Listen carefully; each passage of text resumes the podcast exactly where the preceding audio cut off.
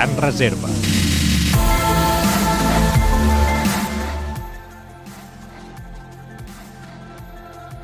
Avui fa 86 anys que el Barça va guanyar la primera lliga de la història del futbol espanyol. Els blaugranes es van proclamar campions després de derrotar l'Arenas de Hecho per 0 a 2 i quedar a dos punts del Madrid, que havia perdut contra l'Atlètic en l'última jornada. El Barça de Romà Forns havia acumulat 25 punts durant els 5 mesos que havia durat la primera edició de la Lliga i que havien disputat 10 equips. L'inici del campionat va ser molt fluix pel Barça, amb només dues victòries en les set primeres jornades.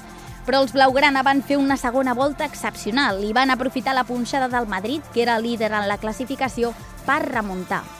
El Barça va guanyar la primera lliga de la història aquell 30 de juny, encara que, curiosament, només va liderar la classificació en la jornada final.